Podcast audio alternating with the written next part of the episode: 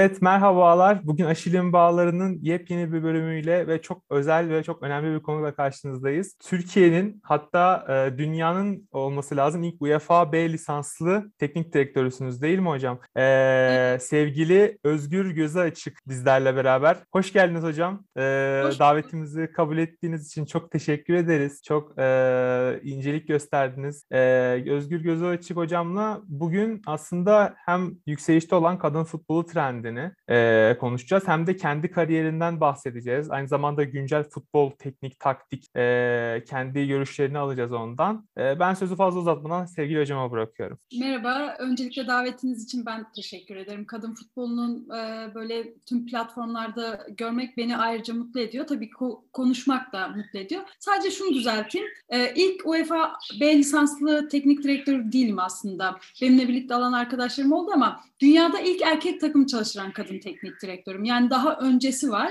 E, B lisans almadan önce TFF B lisansım vardı e, ve e, o dönemde ilk 2003 sezonuydu. İlk erkek A takımı çalıştıran kadın teknik direktör oldum.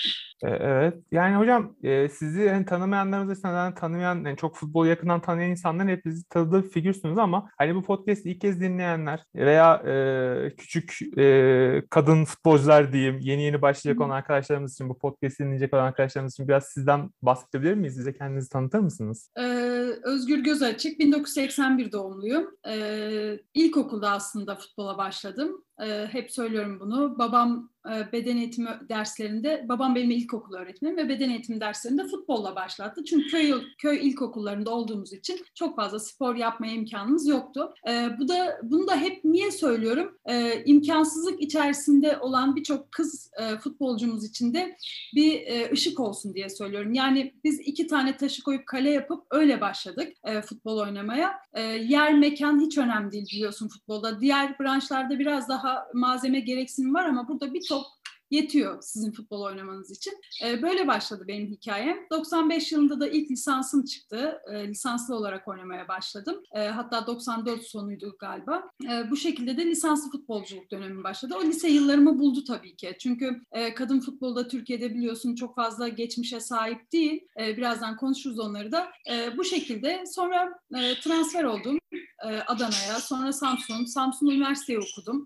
Üniversitede de Besyo okudum. Besyo'da da uzmanlık alanım futboldu. Futbol uzmanlık alanından sonra da TFF B lisans almaya hak kazandım. Ayrıca futbol e, haricinde beden eğitimi öğretmeniyim e, ama öğretmenlik yapmıyorum. E, bu şekilde devam etti hikayem. Sonra teknik ee, direktör. E, yani aslında hemen oradan ben diğer e, konumuza da bağlantı yapmak istiyorum. Şimdi e, lisanslı futbol, yani lisansınızı aldığınız tarih 1995 dediniz. Evet. Şimdi 1995 tarihi benim araştırmalarım beni yanıltmıyorsa e, kadın futbolunun ilk Türkiye'deki başlangıç tohumları 1994'lü yıllara tekabül ediyor diye e, araştırdım doğruysa. E, şimdi demek ki siz e, 25 yıllık e, tarihi olduğunu düşünürsek bu sporun 25-26 yıllık bir tarihi olduğunu düşünürsek kadın futbolunun Türkiye'deki bağlamında söylüyorum. Siz bu futbolun her zaman yani en başından itibaren tanıyan çok nadir isimlerden bir tanesisiniz. Evet. Ve e, sizden e, Türkiye genel olarak dünyadaki kadın futbolunun biraz tarihini alalım istiyorum. Sonrasında Türkiye'ye doğru daraltalım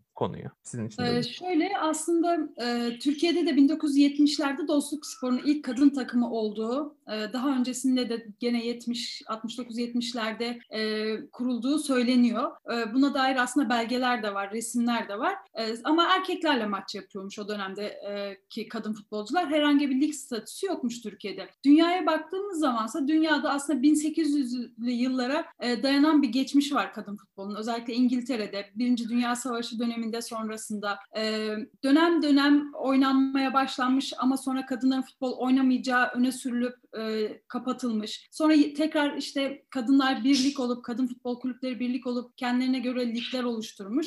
Yani bu şekilde aslında 1800'lü yıllardan başlayıp 1920'lerden sonra biraz daha aktif olan e, bir kadın futbol e, kadın futbol ligleri görüyoruz. Ama Türkiye'de baktığımız zaman dediğim gibi 1970'lerde ilk dostluk sporla başlayan e, sonrasında ise 94-95'te lig kurulmasına, federasyon tarafından Türkiye'de lig kurulmasına karar verilmiş. Ve e, bu dönemde de zaten bizim oynadığımız takımlar da lige katıldılar. Gerçekten çok kaliteli futbolcular vardı. E, bizim büyüklerimiz özellikle işte o dönemde Tark Spor vardı. Yine e, çok iyi futbol futbolculara sahipti. Fenerbahçe o dönemde takım açmayı düşünüyordu. Açmadı. Yani e, sonra ligin devamında 2002 yılıydı sanırım e, kadın futbol ligleri kapatıldı Türkiye'de. Orada çok büyük bir sekteye uğradı aslında. Yani tam gelişmekte olan yeni yeni e, futbolcular kazandırmaya başladığında lige e, bu futbolcuları önünü görmeye başladığında ligler kapatıldı. Nasıl önünü görmeye başladı futbolcular? Benim gibi birçok arkadaşım e, futbol sayesinde mesela BES'i okumaya başladı. E, onlar için yeni bir ufuk oldu. Yeni bir e, öğretmenliğin dışında antrenörlük yeni bir meslek oldu. E, ama 2002 yılında, 2001-2002 yılıydı galiba, e, ligler kapatıldı. Sonra 2007 yılında, 2006-2007 yılında tekrar yeniden kuruldu. Yani Türkiye'deki futbol, kadın futbolu e, çok fazla sekteye uğradı. Okullarda futbol oynaması e, aslında kız çocukların yasaktı yönetmeliğe göre. Güreş ve futbol yönetmelikte yasaktı. Sonradan işte son e, senelerde bu serbest kılındı ve okullarda da futsal takımları, okul futbol takımları kurulmaya başlandı aslında. E, hemen hemen bir dediğim gibi 2006-2007'den sonra bunlar yürürlüğe girmeye başladı ve kadın futbolda bundan sonra aşama aşama Türkiye'de gelişmeye başladı. Takım sayıları arttı. Şimdi burada enteresan bir durum var. 2001-2002 yılında siz hani e, kadın futbolunun önünün kesildiğini söylediniz ama aynı zamanda 2002 yılları bizim Türkiye futbolunun zirve yaptığı dönemler. İşte 2000 Galatasaray UEFA Kupası, 2002 Dünya Üçüncülüğü. Yani o evet. dönemlerde 1996'dan 2002 yıllarına kadar önceden gelen bir Avrupa serüveniyle beraber Türkiye'de futbolun ciddi bir yükselişi var. Buna paralel olarak neden kadın futbolunun önü kesildi? Yani sizin yani gözlerinizin... ilgili aslında şöyle bize hiçbir açıklama yapılmadı. Sadece liglerin kapatıldığı söylendi. Bununla ilgili detaylı şu an olsa biraz daha belki hani sosyal medyanın gücüyle bu bilgileri öğrenme e, durumumuz olabilir ama e, o zaman kapandı, denildi ve bitti bunun sorgulaması çok fazla yapılmadı açıkçası.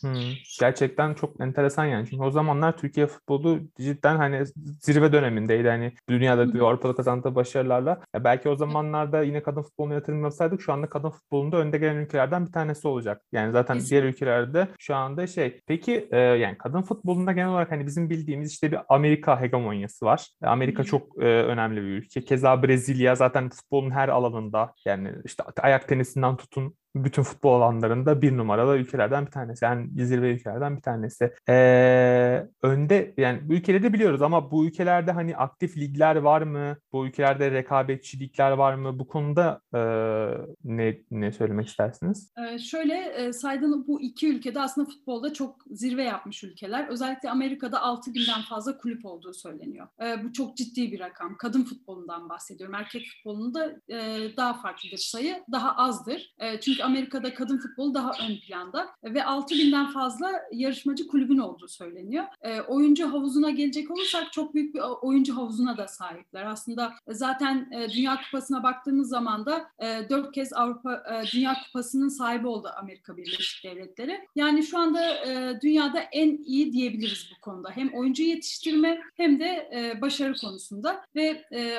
takımlarında da adından e, söz ettiren birçok da futbolcuya sahipler aslında.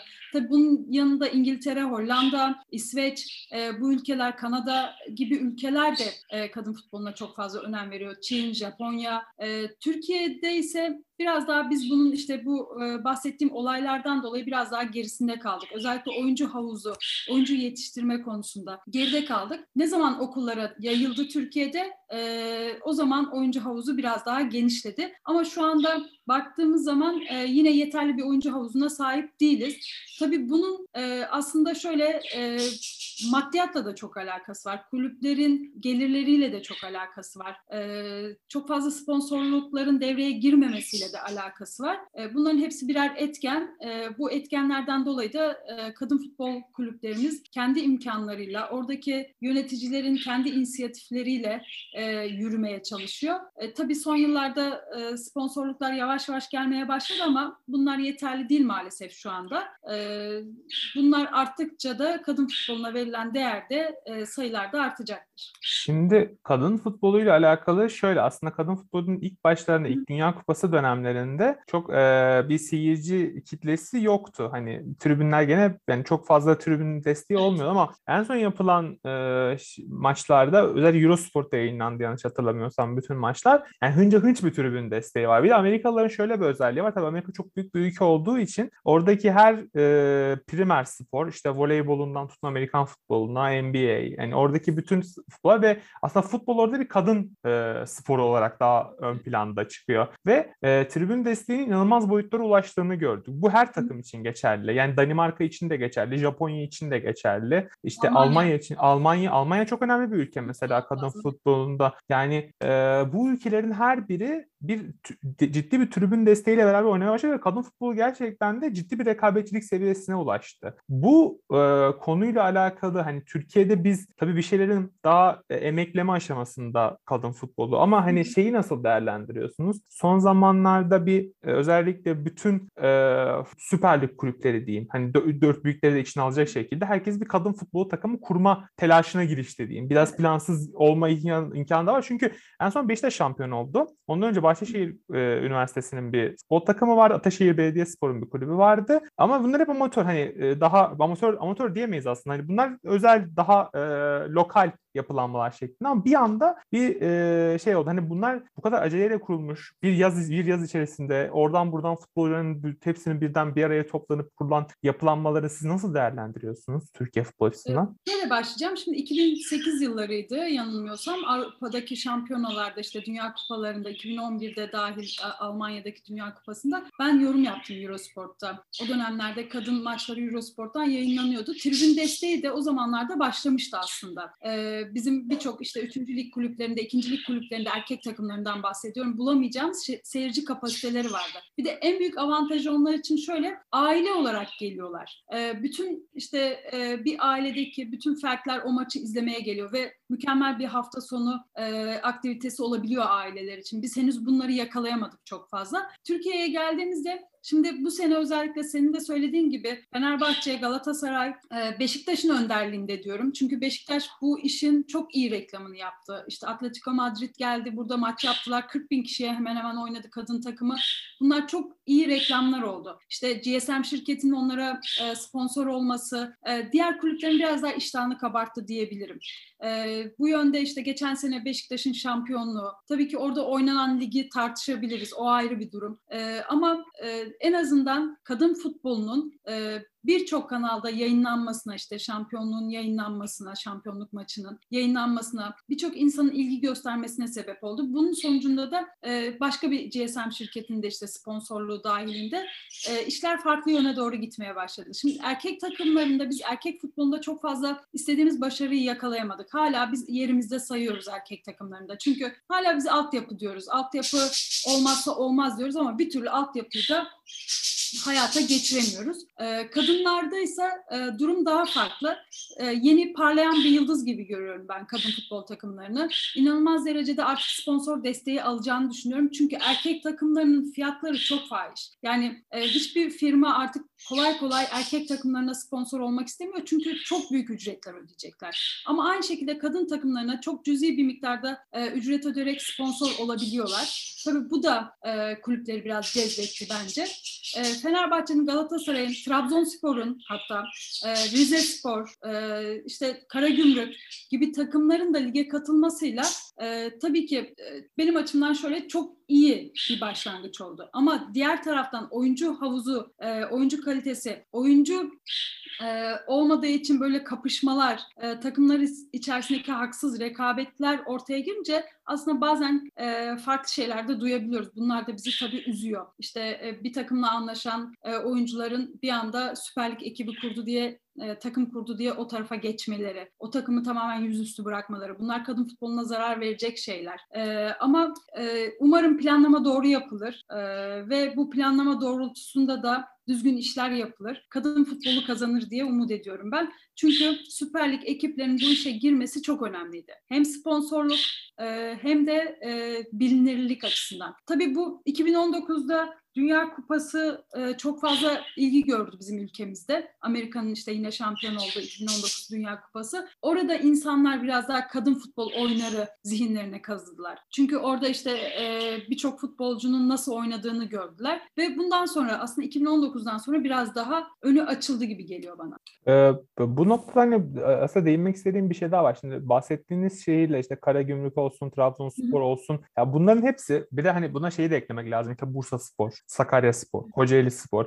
Bu şehirler, bu şehirler özellikle bahsediyorum çünkü bu şehirler genelde futbolcu fabrikası olarak çalışan şehirler. Özellikle Sakarya ve Trabzon e, bu ve Samsun'da içine katabiliriz. Hani Karadeniz damarı ve e, Bursa tabii yani Güney Marmara damarı. Oralar hep e, futbolcu aktif olarak futbolcu yetiştiren e, merkezler olarak. Yani Ege bölgesinde daha fazla hani böyle merkezler. Şimdi daha yeni yeni Altın Ordu biraz biraz bu işte ilerlemeye çalışıyor ama hani orada lokal olarak Altın Ordu var ama buralar daha e, mahalle aralarından yetişen futbolcularla hani orada mesela gittiğiniz zaman işte ne bileyim bir Faroz'da e, bir başka bir mahallesinde Trabzon'un her yerinde futbolu yaşayabilirsiniz. Yani öyle bir e, yer. Şimdi e, bu tip kulüplerin tabii ki de gelmesi önemli. Ama bir yandan da dediğiniz noktada şöyle bir durum var. Şimdi şeyi gözlemliyoruz. Bu altyapıdan gelen futbolcular e, dediniz ki hani e, yani bu futbolcuların başka kulüplere transfer olması ve etik dışı bazı sıkıntılar yaratılması e, çok şey. Aslında bu özelde tekrar hani sorumu tekrarlamış gibi olacağım ama şeyi sormak istiyorum. Bu son açıklamaları yani Rize Spor Kulübü'nün gerek Yapba gerek e, bir kulüp daha olması lazım. E, bir kulüp daha açıklama yaptı aynı konuyla alakalı. Asya Gold. Asya Gold evet Antep Asya Gold Kulübü. Bu konuyla alakalı özel görüşlerinizi merak ediyorum açıkçası. Hani Rize Spor'un yaptığı iç e, nasıl bir e, durum? Sizce etik midir bu davranış? Yani şimdi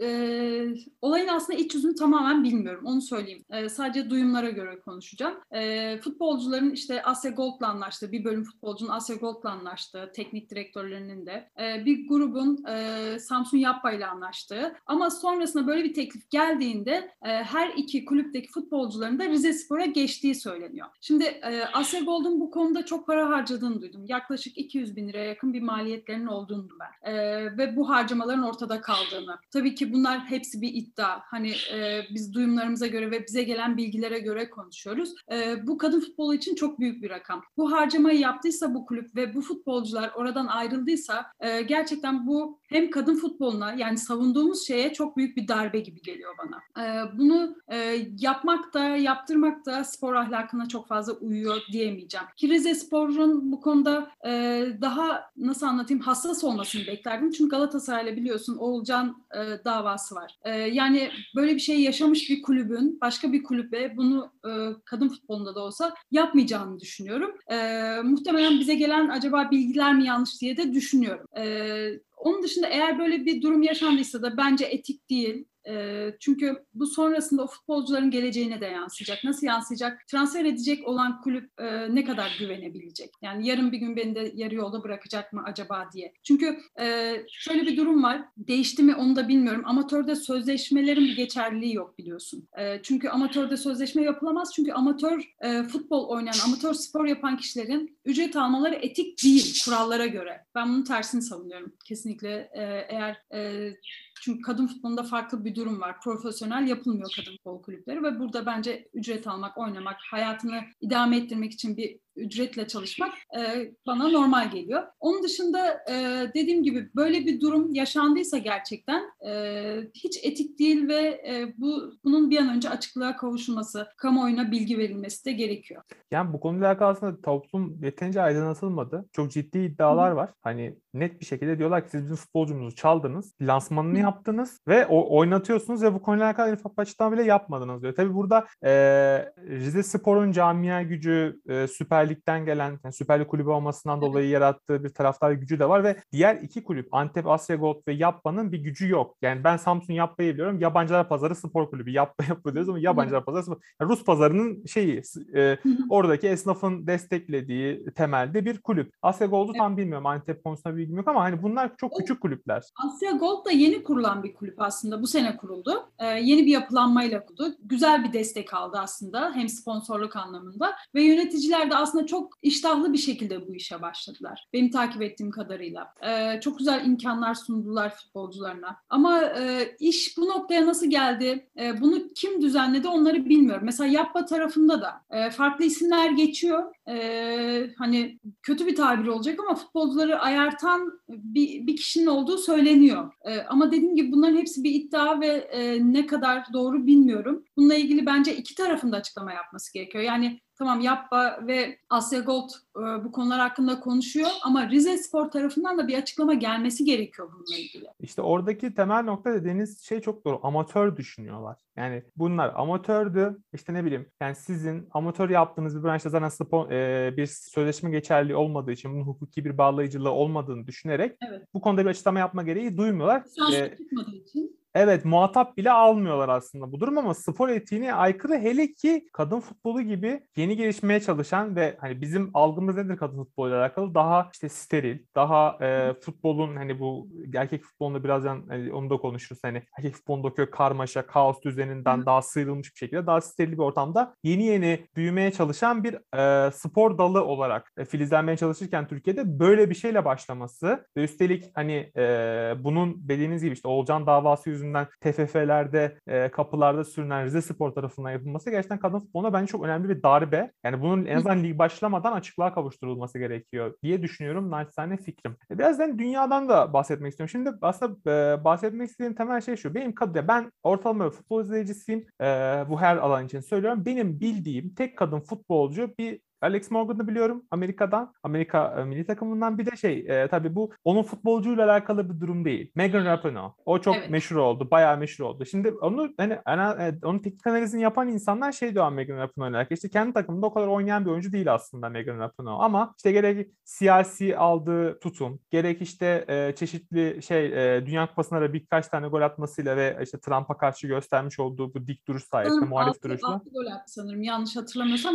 Gol kraliçesi de olmuştu diye hatırlıyorum. Gol 6 kraliçesi. Gol 7 ya da tam hatırlamıyorum ama e, gol ha. kraliçesi diye hatırlıyorum. Ha, orası ben de tam bilmiyorum. Ben o kadar hakim değilim sayısına. Hani şey olarak hani kendi kulübünün o kadar etkili bir oyuncu değil ama buraya geldi e, ve hani bir anda işte Trump'a karşı aldığı tutum işte gerek e, kendi tercihleri yüzünden vesaire Trump muhalifliği yüzünden biraz parlatılmış ve hani bir figür haline getirildi aslında biraz da ama mesela Brezilyalı Marta diye bir oyuncu var yine e, çok iyi buldum. Evet. Sizin e, takip ettiğiniz kadın futbolunda takım veya e, bu futbolcu gerçekten çok yetenek, çok sıra dışı bir futbolcu dediğiniz oyuncular var mı? Yani aslında çok hani takip etme imkanımız da olmuyor. E, çünkü çok fazla maçlarına denk gelmek de mümkün olmuyor dünyada. E, kadın futbolu biliyorsun e, nasıl anlatayım? Sadece işte şampiyonalarda yayınlanıyor e, yayıncı kuruluşlar tarafından. Tabii takip ediyoruz işte Ellen White var mesela İngiltere'de. Ee, onu beğenirim. Onun dışında bu bahsettiğin işte e, Rapino e, şöyle olmuştu. Kadınların şimdi ücret eşitsizliği var biliyorsun. Erkek takımıyla kadın takımlarında oynayan oyuncuları da çok ciddi bir rakam var aralarında fark olarak. Tabii ki bununla ilgili şunu söyleyebilirsin bana. İşte hocam e, erkek takımlarına verilen sponsorluklar ve e, sponsorluk fiyatlarıyla kadın takımlarına verilenler çok farklı.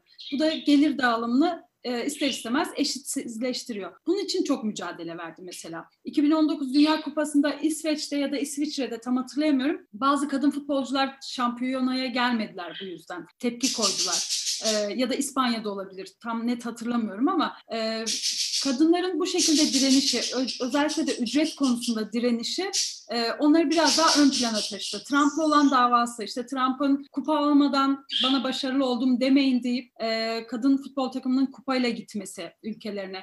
Bunlar hep aslında kadınların hala varoluş mücadelesi, kendilerini yer edinme, işte bazı hakları söke söke almaya çalışma mücadelesini de ortaya koydu. Tabii ki bunlar e, baktığın zaman üzücü durumlar ama bir taraftan da bir kadının bu şekilde kendi haklarını koruması, arkadaşlarının hakkını araması da gurur verici benim açımdan. Ee, onun dışında bu oyuncuların Alex Morgan e, özellikle hem kendi özel hayatı hem futbol hayatı e, biliyorsun bir çocuğu oldu yine tekrar sahalara döndü. E, bunu devam ettirmesi e, bunlar hep e, gelecek futbolculara birer örnek e, bence çok güzel örnekler. E, tabii bu da e, çünkü bizde şöyle bir sıkıntı vardı. Bizim örnek alabileceğimiz bir figür yoktu. Hep erkek futbolcuları biz örnek aldık şu ana kadar. E, bizim dönemimden bahsediyorum. Şimdiki e, kız futbolcularımız tabii ki birçok örnek var önlerinde dünyada kadın futbolunda. E, onları örnek alabiliyorlar. Ama e, bu şekilde bu e, kişilerin de ön plana çıkması benim hoşuma gidiyor. Onun dışında Marta ile ilgili, Marta Brezilya'da yetişmiş çok gerçekten inanılmaz yetenekli bir futbolcu. Ee, tam hani böyle sokak futbolu dediğimiz o tekniğe sahip ve yıllarca da en iyi kadın futbolcu ödülünü almış bir oyuncu. Ee, herhalde geçen sene son sez- sezonuydu artık. Bundan sonraki Dünya Kupalarında falan görmeyeceğiz galiba onu yaşından dolayı. Ama e, ismini hatırlayamadığım bir oyuncu var. Aslında sosyal medyadan takip ediyorum. Japon bir oyuncu ve erkek liglerinde oynuyor. E, bilmiyorum duydun mu? Şu an ismini hatırlayamıyorum. E, telaffuzda da zorlanıyorum zaten. E, onu da araştırabilirsin. Yani böyle örnekler de yavaş yavaş çıkmaya başladı. E, bazı şeyleri kırmaya da başladı kadın futbolcular. E, tabii ki bu bizim açımızdan, bizim Türkiye'deki kadın futbolunun gelişmesi açısından da e, bize yol gösterici olacak bazı şeyler. Ama bizim önce kendi içimizdeki problemleri halletmemiz gerekiyor. Örneğin duydun mu bilmiyorum. Üçüncü ligin bu sene oynatılmaması düşünülüyor. Böyle bir bilgi geldi bana. Şimdi üçüncü ligi oynatmazsanız oradaki oyuncuları yok sayarsanız e, o oyuncular antrenmanla e, gidip gelme şevki bir kere kırılacak. Futbola devam edip etmeme, farklı branşa geçme durumunda e, kararsız kalacaklar. Birçoğu belki futbolu bırakacak. E, o kulüpler ne kadar daha idare edebilecek bu durumu? Çünkü herhangi bir sponsorluk ve geliri olmayacak. Ee, yani bizim önce bunlara bir bakmamız gerekiyor. Bir de yani Bunları altyapı yol- diyoruz. Yani altyapı, Hı hı. altyapı diyoruz. Aslında Evet. hani en güzel altyapı ikincilik ve üçüncülük ve amatör küme ekipleri aslında. Çünkü hani altyapı mesela bizim temel sıkıntılarımızdan bir tanesinin de olduğunu düşünüyorum. Gerek erkek futbolunda aslında siz daha iyi bilirsiniz hocam. Hani bunu net bir şekilde görebilirsiniz. Biz ne yapıyoruz? U21 takımlar işte en son U19 gelişim ligi diye bir şey oynatılıyor. Şimdi oradan tabii hı. Fenerbahçe işte Muhammed Gümüşkaya gibi Arda Güler gibi iki tane genç Evet. futbolcuyu çıkarttı. İşte Hı Galatasaray e, Berk, e, Kerem. Aktürkoğlu'nu çıkarttı. E, Kerem Aktürkoğlu'nu çıkarttı. farklı. e, Elazığ'dan mı gelmişti? Kerem Erzincan. Erzincan olabilir hocam. Tam emin değilim ama galiba öyle bir yerde. Ben tam yani Galatasaray'ı çok fazla takip etmediğim Ozan Kabak. Ozan Kabak mesela o o zaten hani Ozan Kabak e, çok değişik bir şey. Onu da konuşuruz. Hani çok değişik bir şey. Hani temel olarak altyapı üzerinde şunu söylemeye çalışıyorum. Biz altyapı diyoruz. E, kadın futbolcuların bir havuzdan çıkması gerekiyor. Ama rekabetçi bir havuzdan çıkmaları gerekiyor ki mesela bunu en iyi Avrupa'da şöyle yapıyorlar. İşte kendi B takımlarını rekabetçi liglerde oynatıyorlar. Örneğin mesela İspanya 2. ligine baktığınız zaman Real Madrid B takımını görürsünüz. Real Madrid B takımının hani orada mesela kimse şey demiyor işte Real Madrid B takımı yükselir mi alçalır mı? Adamın B takımı senin ikinci liginde oynuyor. ve Orada rekabetçi oyuncularıyla beraber bir üst lige çıkma. Oranın teknik direktörü keza geliyor A takımın teknik direktörlerinden bir tanesi olma şansını yakalıyor. Barcelona'da yıllardır böyle gitti zaten. E şimdi e, siz üçüncülük gibi bir şeyi kapatırsanız ve hani buna kimse şey bahanesi bulmamalı bence. Hani e, para yok. Hani buna ayıracak ödenek yok, maddi olanak yok vesaire. Hani e, bu hedeflerle pek örtüşmüyor gibi. Yani siz nereye Bence- varmak istiyorsunuz? Varmak istediğiniz nokta neresi ve siz ne yapmaya ne yapıyorsunuz burada? Ya bu tip çok fazla sıkıntılarımız var ama hani şey bu arada hocam e, bu Japon futbolcu Yuki Nagasato Evet. o- olabilir. Erkek futbol takımı Hayabusa Eleven'a transfer olmuş 16 Eylül 2020'de. Onu e, araştırdım ben de. E, yani var hani böyle örnekler var ama e, dediğim gibi hani yani çok fazla işte dedim yani 3. ligin kapatılması sonrasında ciddi manada sıkıntı yaşayacağımızı ben de düşünüyorum. Hani şöyle altyapı futbolcularımız evet altyapılarımız oluyor. Altyapılardan futbolcu yetiştiriyoruz ama o havuz bir yerde bitecek ve bugün Evet. 3. lig kapanacak, yarın 2. lig kapanacak ve tek bir ligden belki idare etmek zorunda kalacağız. Ya umarım TFF bu yanlıştan döner en kısa zamanda. Bir de birçok oyuncu ortada kalacak. Bu oyuncular e, yeni kulüp bulmaya çalışacak. Es- hadi bu sene buldular. Seneye bu kulüpler yeni futbolcuyu nereden bulacak? Alttan gelmeyecek çünkü. E, alt liglerin oynaması gerekiyor ki bizim milli takımımızın da alt yaş gruplarının da büyük büyük bölümünü üçüncü ligler oluşturuyor. E, o yüzden e, önem vermemiz gerekiyor ki bu e, bu şekilde işte onları oynatmazsak bizim ileride milli takımımızın başarısı da e, çok etkilenecek. Zaten biz pandemiden çok ağır yara aldık. Zaten çok büyük bir oyuncu havuzuna sahip değiliz. Şimdi Amerika'nın 6000 kulübünden bahsederken 6000 kulüpte oynayan futbolcu sayısından ve bu havuzdan en iyileri düşün. E, milli takıma gidenleri. Bir de bizim Toplamda işte e, hemen hemen 40'a yakın şu an kulübümüz vardır. Bu 40 kulüpten e, oluşacak havuzu düşün. Hangisi daha başarılı olur? Bizim bu havuzu genişletmemiz, ülkeye yaymamız ve bir istikrar sağlamamız gerekiyor ki milli takım düzeyinde de biz başarılı olalım. Şimdi milli takımdaki kızlarımız, hocalarımız e, elinden gelen en iyisini yapmaya çalışıyorlar. Orada sahaya çıktıklarında e, sonuna kadar, son, terlerinin son damlasına kadar savaşıyorlar. Ama e, bir noktaya kadar gidebiliyor. Sonrası olmuyor. E, bu yüzden de onlara da suç bulmamak gerekiyor. Çünkü onların yapabileceği bu. Onların bizim desteğimize ihtiyacı var ki bu destekle birlikte alsın yürüsünler. Ama siz alttan futbolcu gelişimini engellerseniz bu havuzu daraltırsanız oraya çıkacak oyuncuların gösterdiği performansı da eleştiremezsiniz. Ee, çok fazla bu hakka da sahip değiliz açıkçası. Ee, onun dışında kadın futbolunun ilerlemesi için bunun kulüplerin e, okullarla çok büyük bir işbirliği yapması gerekiyor. Sponsor desteğini milli takımın öncülüğünde, milli takımın dedim yanlış e, özür dilerim, federasyonun öncülüğünde e, takımlara sponsorluğun ayarlanması, lige bulunan sponsorların daha fazla katkı vermesinin sağlanması gerekiyor. Ben geçen gün Portekiz maçına denk gelmiştim. Türkiye Portekiz maçı vardı. Hazırlık yok kualifikasyon mücadelesi. Dünya Kupası elemeleri maçıydı. Ya yani orada o dediğiniz şeyi çok net bir şekilde fark ettim. Yani bizim futbolcularımız kalitesiz futbolcular değil elbette. Milli takım düzenine hiçbir şeyini demiyorum ama bir yere kadar oluyor. Çünkü karşınızdaki takım Portekiz daha köklü, daha ne yaptığını bilen, daha sistemli bir takım olduğu için ve biz o maçta berabere kaldık ve futbolcularımız çılgınlar gibi sevindiler böyle berabere kaldık aldıkları için çok mutlu oldular. Yani aslında e, bunu görmek bile hani biraz beni nasıl diyeyim üzdü mü diyeyim hani düşündürdü mü diyeyim. Yani çünkü berabere kaldık sonuçta kazanmadık o karşılaşmayı ve hani e, elbette ki futbolcularımızın yaptığı mücadele hiçbir zaman için azımsayamam. Ama e, bu, bu bu çocuklara bir destek verilirse planlı bir destek. Tabii ya evet. onların e, sıkıntılı olduğu taraf şu. E, kendileri ne yazık ki çok rezalet bir federasyonun denetimi altındalar. Yani gerçekten rezalet. Erkek futbolunda yaptıklarını zaten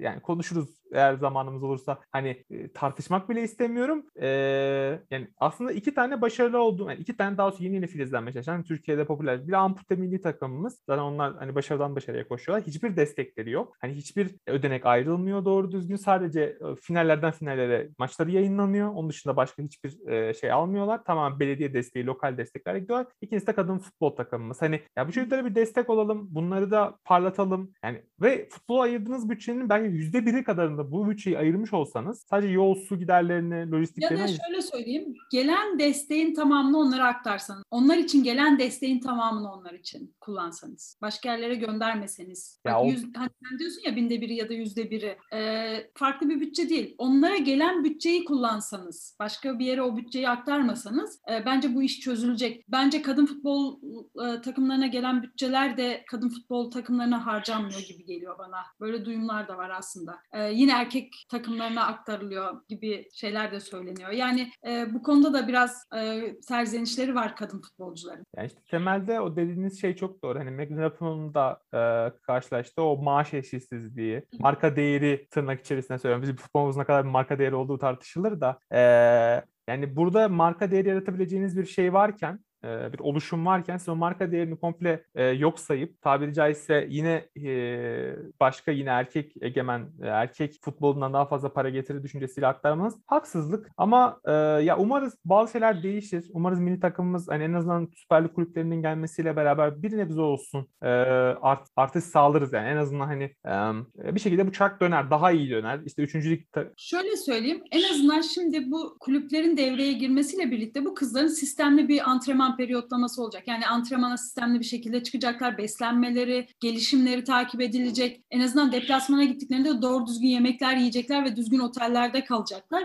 Ee, bu da tabii ki onların gelişimlerine olumlu yönde yansıyacak. Ee, bu milli takım için çok büyük bir getiri olacak bence. Onun dışında çünkü e, kızların kaldığı otellerin hani bazı kulüpler için söylüyorum gerçekten içler acısı. Yolda e, yemek olmayacağı için, kulübün verebileceği bir imkan olmayacağı için çoğu sandviçle geçiriyor zamanını. E, yani böyle durumlar yaşayan kulüpler de var. E, tabii ki bu yöneticilerin suçu değil çünkü oradaki yöneticiler de zaten bunu gönüllü yapan hiçbir çıkarı olmayan kişiler. E, onların da önünde saygıyla eğilmek lazım ki böyle bir şeyin içine girip de e, hani oradan buradan destek bulmaya çalışıyorlar. Onunla görüş, bununla görüş, işte takıma otobüs bul, malzeme bul, antrenman sahası bul. Yani bu, o kadar zor ki kadın futbol kulüplerinin durumu. E, onun dışında şöyle bir durum da var. Şimdi pandemi döneminde çok etkilendi kulüpler. E, antrenman yapamadılar, antrenman yapacak saha bulamadılar. E, kendi meslektaşları, yurt dışındaki meslek, meslektaşların ligleri devam ederken, antrenman yaparken onlar evde oturmak zorunda kaldılar. E, sonra ligler başlanacak denildi. E, Antalya'da bir turnuva düzenlendi biliyorsun. E, o turnuvaya da işte gruplar, dörderli takımlardan dört grup yapıldı. Onlar katıldı. Sınırlı sayıda maç oynandı ve şampiyon belirlendi. Yani normal bir lig üzerinden oynanmadı aslında. E, bu da tabii ki biraz orada dengeleri de bozdu. E, bazı takımlar çok sakatlık verdi. Çünkü gelmeden önce antrenman sahası bulamadılar ve çalışamadılar. Bir ay gibi bir çalışma süreleri oldu. Orada da ne kadar hazırlandılar. Tabii burada Beşiktaş gibi bir kulüp de örneğin e,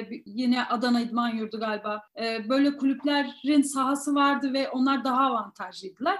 Ama çoğu kulüpte e, sahalar da açılmadığı için antrenman yapacak yer bulamadı. Bunları da düşünmek gerekiyor. Ama şimdi e, büyük kulüplerin devreye girmesi, Süper Lig ekiplerinin devreye girmesi ve kadın futbol şubelerini açmaları en azından o kadın futbolcular için e, bizi sevindiriyor. Çünkü tesisleri olacak. Düzenli işte yeme, içme, gıda takibi, e, psikolojik destek belki, diyetisyen sporcu beslenmesine yönelik beslenecekler. Bunlar da milli takımımıza faydası olacak bunun da. Yani aslında bahsettiğiniz şey o kadar doğru ki. Yani yapılan şey e, o sakatlık durumu da sporcu sağlığına yönelik aslında çok önemli bir tehdit. Yani siz yetersiz antrenman yapmış bir siz daha iyi misiniz? Siz BESYO okudunuz, spor bilimleri üzerine uzmansınız. Yani yetersiz antrenman yapmış, yetersiz beslenmiş. İşte yani sonuçta sporcuların fizyolojisi normal bir insan fizyolojisi gibi de çalışmaz. Hani onların protein destekleri ayrıdır, karbonhidratların doğru yani her şeylerin planlı olması gerekir. Ama sadece kuru kuru bir sandviçle siz bu çocukları maça çıkartırsanız bir de yani şöyle bir şey de var. Şimdi bu insanların e, bu hani sadece Fenerbahçe Galatasaray biz sadece görünen yüzünü biliyoruz. Bir de o belediye sporlarda çalışan e, otobüs parasını belki zor denkleştiren o maçlara takımlarda e, oynayabilmek için gelen insanlar da var ve bu çocuklar e, bu çocuklara hiçbir sahip çıkılma da yapılamıyor ne yazık ki. Şimdi siz evet. bir de e, bir de bunun üçüncü lig kapatılma olayına gelelim. İyice zaten e, bu çocukları siz şey yapmış oluyorsunuz. E, spor yapma haklarını dışlamış ve spor yapma haklarını ellerinden almış oluyorsunuz. Hani altyapısını falan boş verdim. Bu zaten hani bir hak ihlali yani hani yaptığınız şey. Umarız hani bazı şeyler değişir. E, yani ben hani daha fazla da hani konuşup hani zaten durumlarımız belli. Hani olan sıkıntılarımız da belli. Umarız bazı şeyler çözülür ama kadın futbolu konusunda sizin görüşlerinizi almak da çok güzel.